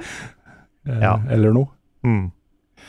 Men øh, nå har jo Ubisoft sagt at øh, dette øh, Ubi Live, er det ikke det de kaller det? Altså dette årlige store kjempepressekonferansen Ubi Er det ikke Ubisoft Forward det heter? Ja, kanskje det var det. Den kommer jo nå, jeg tror det var september. Mm. Så da kan man jo kanskje spekulere i at det vil være noe nytt da om Beyond Good and Evil 2 på den. Mm. Så vi får se. Ja, de har jo hatt noen sånne prosjekter, litt sånn i uh, Development Hell, sammen med Skull and Bones, borte i mange år og kom tilbake nå. Mm. Men uh, det har jo litt, uh, fått litt blanda mottakelse, det vi har sett. Mm. Og så er det en norsk eh, et norsk arrangement, jeg vet ikke helt hva jeg skal kalle det, En slags turnering, med nesten litt sånn event, som heter Norges beste gamer. Det starta som Nord-Norges beste gamer, et prosjekt satt i gang av Tvibit, og veldig sånn entusiastdrevet. Et sånn der, la oss nå spre spillkultur til Nord-Norge. De har nå utvida til å gjelde hele Norge, og det er nå kvalifiseringer. Eh, Det vil være kvalifisering til Norges beste gamer på Retrospillmessen den 20. og 21. august. Og i Oslo den 10. og 11. september. Og hør her, folkens. Jeg har meldt på en nikk. Oh my god. They have an army, we have a nick. Ja. Ikke sant? Er det lov? Eh, konseptet her er jo rett og slett eh, at hvem som helst kan stille opp. Du vet ikke, ikke hvilke spill det skal konkurreres i, og det er eh, jeg tror det er fem, fire eller fem forskjellige spill. Og det kan være alt fra liksom spill til NES på 80-tallet til helt nye spill. Eh, Bare det er gøy å konkurrere i, og bare det er mulig å liksom måle uh, hvordan folk gjør det i forhold til hverandre, så kan det være hva som helst. da. Og det er et konsept jeg har så sansen for. Da blir det, det blir skikkelig gøy, altså. Så um, Det gjør det. Og hvis du tror du er bedre enn Nick i spill, så er dette anledningen din til å kanskje bevise det. Kanskje vi nå har sørga for at ingen tør å melde seg på, fordi de vet at ikke de kommer til å slå Nick. Mm. Men tenk om, da kan du fortelle folk det, ikke sant? At du har slått Nick i level up. Ja. Så det er jo det, det er liksom for the glory, da. Mm. Dette her er jo de som vinner disse kvalifiseringene. Jeg tror det er to jeg som går videre fra hver kvalifisering rundt omkring i Norge. Det har vært i Bergen, uh, vært på Sørlandet, eh, diverse greier, liksom. Så eh, får du da tur til mener, Jeg er ikke helt sikker på hvor finalen er, men det er i Nord-Norge et sted. Jeg har desember. lista her. Det er i desember, så blir det finale i Norges beste gamer 2022 i Tromsø. Tromsø, selvfølgelig. Mhm. Da håper jeg at eh, Dutta tar turen, altså. Ja. Ja. At hun blir med der og selger donuts. ja. Det er litt av egen interesse. Jeg kan nevne at det er flere kvalifiseringsrunder som ikke bare er på Østlandet. Eh, Det har vært rundt omkring i både i Bergen og Sortland, eh, Hammerfest. Eh, I september så skal det visst være eh, kvalifiseringsrunde i Bodø, Oslo og Tromsø. I oktober er det i Trondheim, eh, og så blir det finale i desember. Kan ikke du være med i Trondheim, Frida? Vurderer det litt nå. Tenk om både du og Nick eh, kommer oh. videre der. Og så møtes dere. Og så møtes dere. Ja, men jeg kommer jo ikke videre, vet du. Ja, men det kan du godt Jo, tenkes. det Det, vet du hva, Frida? Du Altså- er god på sånne ting, ass. Det var ikke, det var ikke Nick som vant Nessen på Nei, det er sant, første. Nei, det var ikke det. Jeg eh, skal eh, Jeg skal se om jeg, om jeg blir med. Ja, fordi det er ikke så, er ikke så avanserte greier, liksom. Du bare melder deg på, og det, det kan bli fullt, da. Så hvis du har lyst til å melde deg på, så vil jeg anbefale å gjøre det. Eventene, måten du melder deg på, eh, ligger på Facebook. Så bare søk opp Norges beste gamer på Facebook. Så vil det være sånne events med linker til et Google-dokument, hvor du fyller inn informasjonen din. Uh, og det kan bli fullt, fordi du får da en timeslot, ikke sant, hvor du kommer inn og følger den løypa og tar de spillene som det er konkurrer konkurreres i. Og så får du en score, ikke sant, og så lages det rangeringsliste basert på det. Så ja, men i hvert fall 10. og 11. september. Vi eh, meldte på Nick den 10. Det er de som ligger ute nå. Det er to timeslots der, den siste timeslotten. Og det er litt sånn egeninteresse. Det, vi tenker at dette er en veldig kul reportasje. Mm. Så dette kommer vi til å følge og dekke. Og jeg har veldig sansen for, eh, for arrangørene her også. Det er, dette er bra folk. Absolutt. Det er det. Så avslutter jeg nyhetsspalten med en nyhet som ikke har kommet ennå. Eh, Men den kommer da i dag, når podkasten er ute. Fredag. En eller annen gang i løpet av fredag. Dpad har vært ute på Twitter og telt ned. Uh, og i dag er den på én. I går var den på to. My god. Ja, så eh, da på fredag skal de annonsere sitt nye spill. Og vi vet allerede at, uh, at det er, de skal være på Gamescom. Uh, De har, vi har fått invitasjon til å snakke med Dpad på Gamescom. Vi skal jo ikke på Gamescom, så det er mulig at vi snakker med dem før de drar til Gamescom. Eh, Men jeg er veldig spent da på hva det er. Jeg har jo kanskje en liten mistanke om at vi har sett dette spillet noen ganger før. Ja, tror du det er det? Ja, det kan fort være det, for jeg tror ikke resten av verden vet om eh, Vikings on Trampolines så godt som vi her i Norge gjør det. Nei, jeg bare syns det ser ut som noe større. Ja, for det kanskje liksom det kan jo være om backdrops Ja. til Ja. Ja. Altså, det kan jo være at det er Vikings og Trampolines, men at de er bygd ut. Fordi Mm. det, er, det er jo noen år siden vi så det sist. mm, Men det er jo snakk om eh, new game. Ja, men det, Vikings er jo fortsatt et new game. Ja, det er sant, da. Det har ikke vært mulig å spille det fritt. Du må liksom kjenne Dpad. Mm. ja. Eller være på et event hvor, event hvor de har vært, for de har hatt det på SpillExpo. Det, Det er har eh, det har vært en ekstremt closed beta. Mm. er veldig, veldig close beta. Mm. Da, også før Level Up så var jeg og Endre og besøkte Dpad eh, på Askøy. Og da spilte vi Vikings on Trampolines. Og da snakker vi, Det er jo elleve år siden. Over, ja, er det ikke elleve år siden nå? Ganske, ja, litt over elleve år siden. Mm. Så, så det er jo et sånt prosjekt de har hatt gående eh, hele tiden. da, eh, Pusla på. Men det var jo allerede da gøy og spillbart. Og vi i Level Up har jo spilt det mot hverandre. Mm. Eh, Så, så det kan være Vikings. Det kan være noe helt nytt også, men det kan også være Vikings. men uansett så er det kjempegøy da å se utviklerne av Owlboy eh, avduke sitt eh, neste spill. Så den nyheten kommer i løpet av fredag en eller annen gang, så jeg skal sitte og følge med på, på Twitter der. Jeg vet ikke hva det er ennå, har ikke fått noe hint heller. Så eh, bare snakka med gutta om å kanskje eh, ta en prat over nett før de drar til Tyskland og Gamescom. Nice. Uh, hva kommer egentlig nå? Jeg har ikke peiling. Hva kommer nå? Da er det på tide å introdusere enda en av våre nyeste anmeldere. Og dette er jo en av de anmelderne vi kanskje har trengt mest og hatt mest spørsmål om opp gjennom tida. Er I jo mange år. i mange, mange år. Mange, mange år. Og endelig har vi fått tak i en. Eh, Dette er jo da vår nye sportsspillanmelder, Bendik Borchgrevink. Velkommen til oss. Tusen takk. Veldig hyggelig å få være med i podkasten. Selvfølgelig veldig kjekt å ha deg innom her. Eh, vi har jo eh, Det er jo noen uker siden eh, eh, ble, ble, ble. Anmeldelsen og introduksjonen din eh, kom ut på YouTube-kanalen vår. Den kom jo i sommer. Men for de som ikke har sett den, kanskje det er folk som da bare hører på podkasten, hvem er du? jo, eh, hvis du har sett det, så er jeg han i badekaret. Men eh, hvis du bare har sett thumbnailen eh, Men eh, ja, jeg er Bendik, 25 år, eh, fra Hamar. Eh, sportsinteressert og spillinteressert. Og da tenkte jeg wow, hvorfor ikke bli sportsspillanmelder? Og så var det mulighet for å bli det her, da, i Level Up. Og så uh, Yes. Det, det er veldig kort, da. Mm.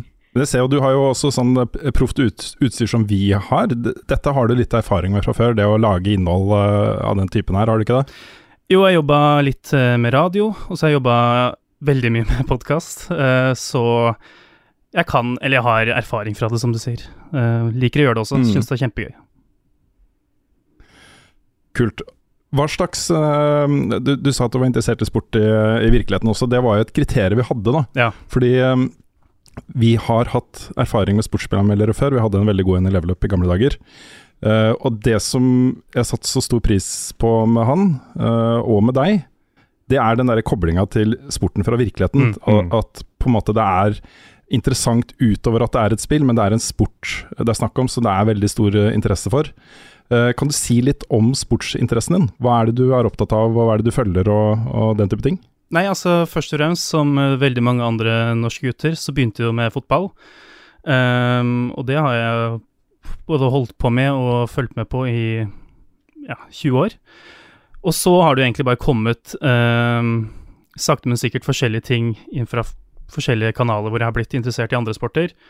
Um, og da spesielt uh, har jeg uh, Det aller første var jo uh, faktisk wrestling, som jeg også ble veldig interessert i. Og så har det nå kommet litt mer inn i Spesielt etter at jeg begynte å flytte litt på meg rundt i Norge. At man møter folk og finner nye forskjellige steder, liker forskjellige idretter og sånn. Og da har det selvfølgelig kommet inn både um, NBA, altså basketball, um, og ehm, Madden, eller NFL, da, som sporten heter. Eh, og så NHL, da, som ikke er sånn supersikker på, eh, stødig på ennå, men det er veldig mange kompisene mine som er interessert i det, så etter hvert så ble jeg nok stødig nok på det til å kunne ha en eh, kul mening. Ja, det, det er det viktigste, å ha en kul mening, Mm. Ja, ja. Alle våre meninger er kule, faktisk. Det passer bra inn her. Ja, Kjempebra. Nei, fordi jeg, jeg vil gjerne ha anmeldelser som jeg syns, eh, er ålreit å se på, ikke sant? som ikke Mm. følger sport så tett. Og det Sånn som Formel 1, da, det første du spiller spillet du anmeldte. Mm. Der, jeg, jeg sitter jo ikke og ser på Formel 1-løpene, men jeg syns det er fascinerende å følge sirkuset rundt. Mm. Altså Det er så mye som skjer der nå. Jeg har fått med liksom rivaliseringen mellom eh, Hamilton og Verstappen og alle de tingene der, ikke sant. Så det er interessant utover at det er et, en sport. Mm. Uh, og da blir det på en måte enda mer interessant og aktuelt for vår kanal, da. Mm. Ja, spesielt Også- med Drive to Survive og hele greia der, så Mm. har det jo blitt gigantisk. Selv om det var stort fra før, så har det blitt utrolig stort nå. Mm. Absolutt. Mm. Du sa jo at i, i tillegg til å være sportinteressert, så er du òg spillinteressert. Mm. Eh, og jeg har jo fått inntrykk av at du spiller litt mer enn bare sportsspill. Ja. eh, hva spill eh, utenom eh, den sjangeren du skal dekke, er det du eh, liker å kose deg med? Ja, det er eh, veldig altetende når det kommer til eh, spill generelt, men eh, Altså, jeg hadde en sånn veldig sånn lang periode da jeg var yngre, hvor jeg eh, eh, Tro det eller ei, det fortsatt ikke var kult å spille, ikke sant? Spesielt når du holdt på med sport. Og da var det en veldig lang periode hvor det var sånn Ok, nå spiller vi bare Fifa i sånn eh, fem år, og så kom Skyrim inn i bildet, og så bare snudde det helt om for meg. Så nå er det action RPGs, eh, og så indiespill. Begynte jeg med Super Meatboy, liksom. Nå er det snudd 180 grader rundt.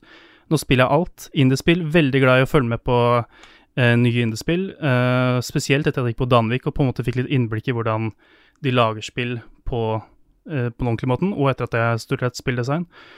Eh, så Danvik represent. Yes. Kjempegøy. Ehm, yes. Og nå prøver jeg egentlig bare å um, følge med på hva dere, dere snakker om, uh, for å være helt ærlig. Og så får jeg litt uh, innblikk i den litt andre uh, verden, sånn som Elden Ring og Bloodborne og sånn. Har jeg ikke noe som helst, men det er utrolig uh, lyst til å prøve det uh, en gang. Men skal jeg, har jeg virkelig tid? Har jeg liksom, kan jeg dedikere 100 til noe sånt nå? De, er dere snakker jo opp, hele tiden. Altså, har jeg så Ja, ja, mye ja. tid Ja. Det er bra du tok opp akkurat det der, for vi har jo blitt beskyldt da, Ja. for, å, for å ha det som et kriterium. At du må være die hard uh, From Software-fan Ja, for å få du må ha jobb hos runda oss. Bloodborne fem ganger, liksom. Kan bekrefte at det det er ikke bra. er tilfellet her, da. Mm. Mm. Vi skal nok få gjort noe med det, skjønner du. Mm. Men det må jo bli du som anmelder Bloodborne Kart, for det er jo på en måte et sportsspill. Det er på en måte et Ja, sportsspill. ok. Så bare forbered deg på, forbered deg på det. Ja. Og så uh, syns jeg det er hyggelig da at uh, du ikke er redd for å by på deg selv, Bendik. Det var utrolig herlig den introduksjonsvideoen du lagde av deg selv i badekaret. Jo, takk. Var det, hva, hva, hvordan er eksponeringsbehovet ditt? Det er et ledende spørsmål. det er litt ledende spørsmål. Men uh, altså Det er jo uh, utrolig eh, eh, spennende og på en måte Det gir meg mye da å kunne eh, gjøre noe, veld, liksom, noe kreativt. Og eh, selv om jeg hadde, som jeg sier i den videoen, hadde jeg mye, mange andre planer jeg skulle egentlig gjøre og sånn, så fikk jeg ikke muligheten til det. Og da, altså når noen kommer med ideen 'sett deg i badekaret og gjør det', så tenker jeg da får jeg bare ta det derfra, og så er det utrolig spennende å da bare jobbe med noe sånt, eh, på en måte. Gjør, Mm. Legge seg litt uh, på en tallerken og servere til folk. Ja, det var en uh, herlig rett som ble servert, og uh, du ble godt tatt imot. Mm. Uh, og føler allerede at du har blitt en, en fin, fin del av Level Up-familien, så, så dette her var vellykka fra første stund, Bendik. Absolutt. Det er vel den eneste til nå Level Up-videoen som har blitt filma i et badekar. Du har jo filma. Har ikke du den der Rowlet-introen der du er i dusjen? Jo, det er dusjen, men Ja. ikke badekar. OK, ikke Mm. badekaret. Ok, greit. Nei. Men du har vurdert litt sånn hot tub streams også, kanskje? eller? Ja, ja, selvfølgelig. Eh, det, var, det var plan B. Hvis jeg ikke, ikke fikk jobben i Level Up, så var det rett på Twitch, liksom. Ja, jeg ser den. Mm. Ser den. Ja, men Vi gleder oss veldig til å se mer fra deg utover høsten, øh, Bendik. Jo. Så øh, takk for at du søkte, og utrolig hyggelig å ha fått deg med i gjengen også, så velkommen til oss. Ja, er kjempegøy å være med. Tusen takk. Hva er dines best, hvor var fredag sist? Har Carl egentlig sopp? Ukens spørsmål. Vi starter med et eh, spørsmål her fra Chaus, som spør hva er deres favoritt-Metroidvania-spill, og hvorfor? Det er en av mine favorittsjangre, Ja. Mm. egentlig. Og så øh, Sjangeren er jo sånn øh, Du kommer til et sted, det er en øh, åpning der, eller en dør eller et eller annet, men du har ikke den tingen du trenger for å åpne den døra, så du må komme tilbake seinere en gang. Når du har fått en ny ability eller et eller annet, ikke sant. Um, kombinert med um, den type combat og miljønavigering og utforsking som Metroid eh, og Castlevania er kjent for. da. Mm. Ja. Um, Ori og Dead Cells er oppi der. Mm. Ja, det, for meg så er det eh, Ori 2. Ja. Kongen for meg er Hollow Knight, altså. Ja, Hollow Knight eh, er nesten sånn fasit, fasitsvar. Mm. Men, men alle, alle de er, eh, er jo kjent for å være ekstremt gode Metroidvania-spill. Ja. Alle er også i 2D, da. Mm. Um, du har flere Du har Owlboy. Ja. Uh, Shadow Complex uh, er jo også gode Metroidvania-spill. Shadow Mm. Complex kanskje bare mest bare, Det er Super Metroid. Ja, det er Super Metroid igjen. Mm, ikke sant? Med samme type abilities, bare i moderne setting og sånt. Mm. Det er kongespill også. Jeg er så glad i det spillet. Ja. Doctor Sweet. Mm. Og så vil Men så har du jeg 3D 3D-varianter også. Mhm. Returnal. Returnal for Ja, det er jo et Metroidvania. ja, det har Men- Metroidvania-elementer. Mm. Ja, det er, jeg vil kanskje ikke si det er 100% et Metroidvania. Nei, Det er mer et uh, rogelike, men, men det er elementer av det. ja, og så har du spilt Metroid Prime-spillene, har du spilt Metroid, eh, også 3D-versjonen av Metroid, så er det mye av samme tankegangen, hvor du har liksom ting du ikke kan gjøre før du har fått en uh, spesiell ability, ikke sant? Mm. Men uh, nå var jo spørsmålet favoritt-Metroidvania, og jeg har hørt at Returnal var ganske dritt. Ja Ho, ho, Ja. Ho-ho, ja da. Og så Batman Arkham Asylum må jeg også nevne. Mm. Det er også veldig eh, Metroid Prime eh, i oppbygging, også. Eh, dritbra. Jeg vil nok si at kanskje av eh, 2D så er det Hollow Knight på meg. I 3D så kan jeg ikke si noe annet egentlig enn Returnal. Eh, Er jeg tenkte jo litt på uh, Jedi Fallen Order, men jeg liker Returnal bedre enn det. Så er det kanskje Returnal 3D for meg òg. Og så har jeg òg lyst til å bare sånn eh, Siden det er Metroidvania, så føler jeg lov å si noe Metroid-spill òg. Metroid Fusion er dritbra.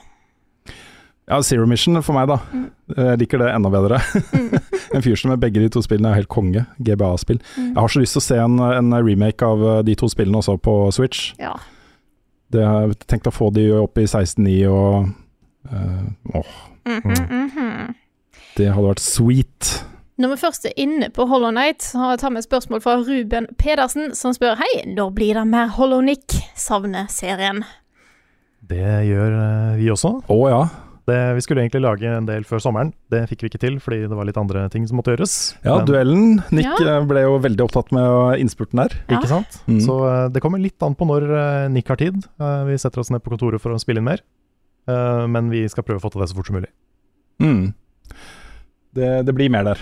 Det gjør det. Vi tar et uh, spørsmål til. Uh, Rune, har du et på lager? Jeg vil ta et dilemma. Ja, gjerne. Det er fra Jostein Rajesh Johnsen. Alltid tett nese eller alltid rennende nese. For et jævlig Ja, det dilemma. for, et forferdelig dilemma. Jeg tror svaret er alltid tett, Ja. Fordi da slipper du å deale med at det renner. Pluss at du kan jo teknisk sett lære deg å puste med munn. Jeg får Ja. ikke sove jeg, med mindre jeg kan puste gjennom nesa, så jeg, jeg må ta alltid rennende nese. Men for får du sove hvis det renner fra nesa di konstant? da? Ja, så lenge det kommer oksygen inn i nesa, så tror jeg det skal gå. Ja. Jeg syns rennende er så utrolig slitsomt. Jeg er litt uh, sniffly nå, og det er sjukt irriterende. Uh, så, men da når det først, først alt er pottetett, det er fælt òg, men uh, jeg tror jeg går for Mm. alltid tett, altså. Det er noe med at du slipper å måtte deale med den der konstante Og så blir du sår og Ja, Jeg går rundt med sånn rød sånn fylliknese. Ja. Ja, nei, det var, det var et forferdelig dilemma. Ja, for begge så er vonde. Ja, Mm. ikke sant. Takk skal du ha. Mm. Jeg tenker sånn, hvis, hvis du har rennende nese, så har du også tett nese, på en måte. Fordi Ja. du, da må du liksom enten så må du deale med at det renner, eller så må du stappe den oppi der. Mm. Og da er det tett. Jeg var eh, noe, For ikke altfor lenge siden så hadde jeg fullstendig tett nese og rennende nese, og da får du ikke gjort noe ting! Nei. Mm. Håpløst, skal jeg si Ja, det er dere. bad. Ja, da var det bad. So bad. Nei, Carl, har du et spørsmål liggende? Skal vi se, det har jeg. Mhm. Skal jeg bare finne det her. Um, jeg kan ta et spørsmål fra Silacoid, for det var litt sånn i min gate. Mhm. Etter å ha spilt gjennom de tre første Kingdom Hearts-spillene og startet på Birth by Sleep, så slår det meg, er ikke denne spillserien en slags reimagining av Star Wars? Jeg vet ikke om jeg vil gå så langt som å si at det er en reimagining av Star Wars, men dette er jo argumentet mitt for at en Star Wars-verden kan funke.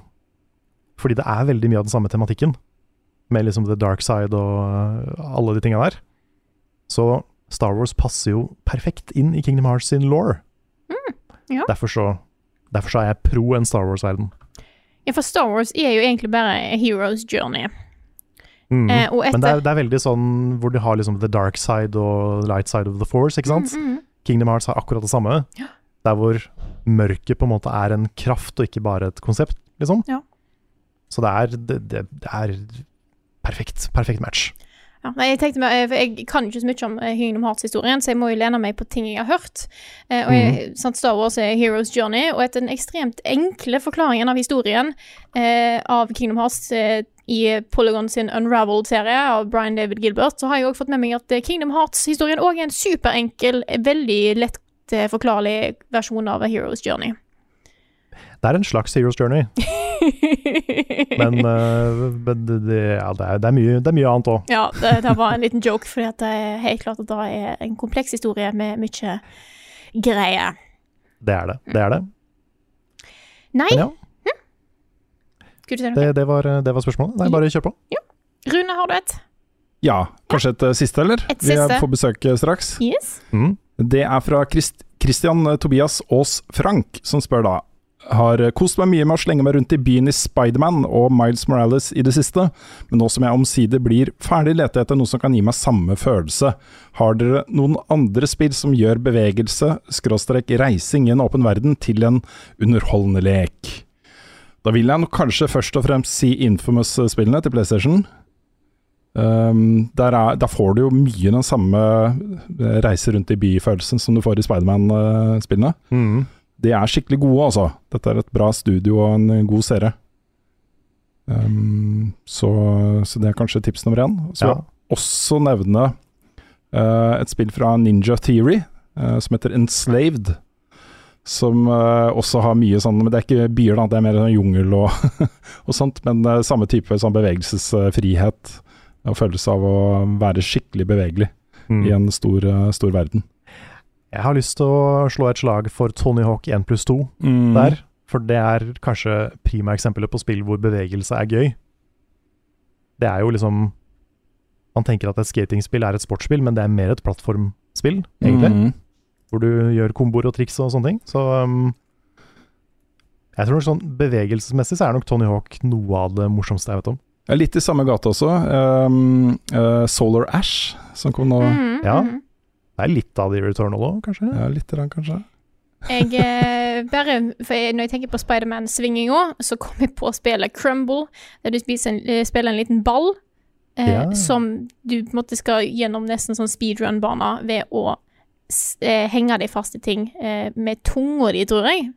Eh, så du får veldig den samme svinginga og kaster deg framover, eh, om å få på en måte bra moment og speed og stuff. Så Crumble har, eh, er liksom Spiderman-svinging kondensert ned i kun da en av gameplay-elementet. ja, gameplay-elementet. Så har du jo grappling hook i sekker også. Jeg har det. Mm. Ja Har hesten i Elden Ring. Da. Du har hesten Mm. Ring. Ja. Ja. Det er bra dere prøver dere. Mm. Da fikk vi litt, eh, fikk vi litt souls inn i denne podkasten her òg, før vi runder av. Mhm. ja. Men da sier vi takk for oss. Dette her er podkasten Level Backup, utgitt av Moderne Media. Låten i introen og outroen er skrevet av Ole Sønnik Larsen og arrangert og framført av Kyoshu Orkestra. Vignettene er lagd av fantastiske Martin Herfjord. Du finner mye mer innhold fra oss på youtube.com slash levelupnord og twitch.tv slash levelupnord. Og hopp gjerne innom discorden vår. Der finner du eh, invite på discord.gg slash levelupnorge. Vi har en merch-shop levelupnorge.myspreadshop.no. Og støtt oss gjerne på Patron hvis du liker det vi gjør. Vi setter ekstremt stor pris på alle dere som gjør det, eh, så tusen, tusen takk til alle dere som bidrar på enten Patron eller deler innholdet vårt, eller bare liker innholdet vårt. Så ja, dere er bra folk, hele gjengen. Oh yes. Det er dere. Og med det så sier jeg tusen takk for denne gangen her, og så snakkes vi igjen neste uke.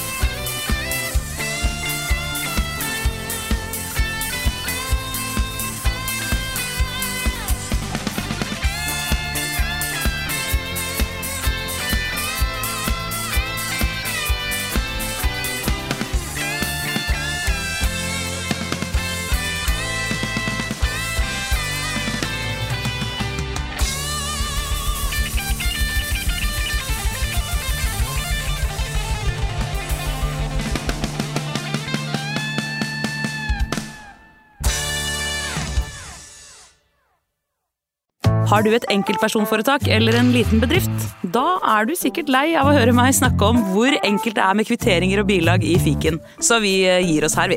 Fordi vi liker enkelt. Fiken superenkelt regnskap.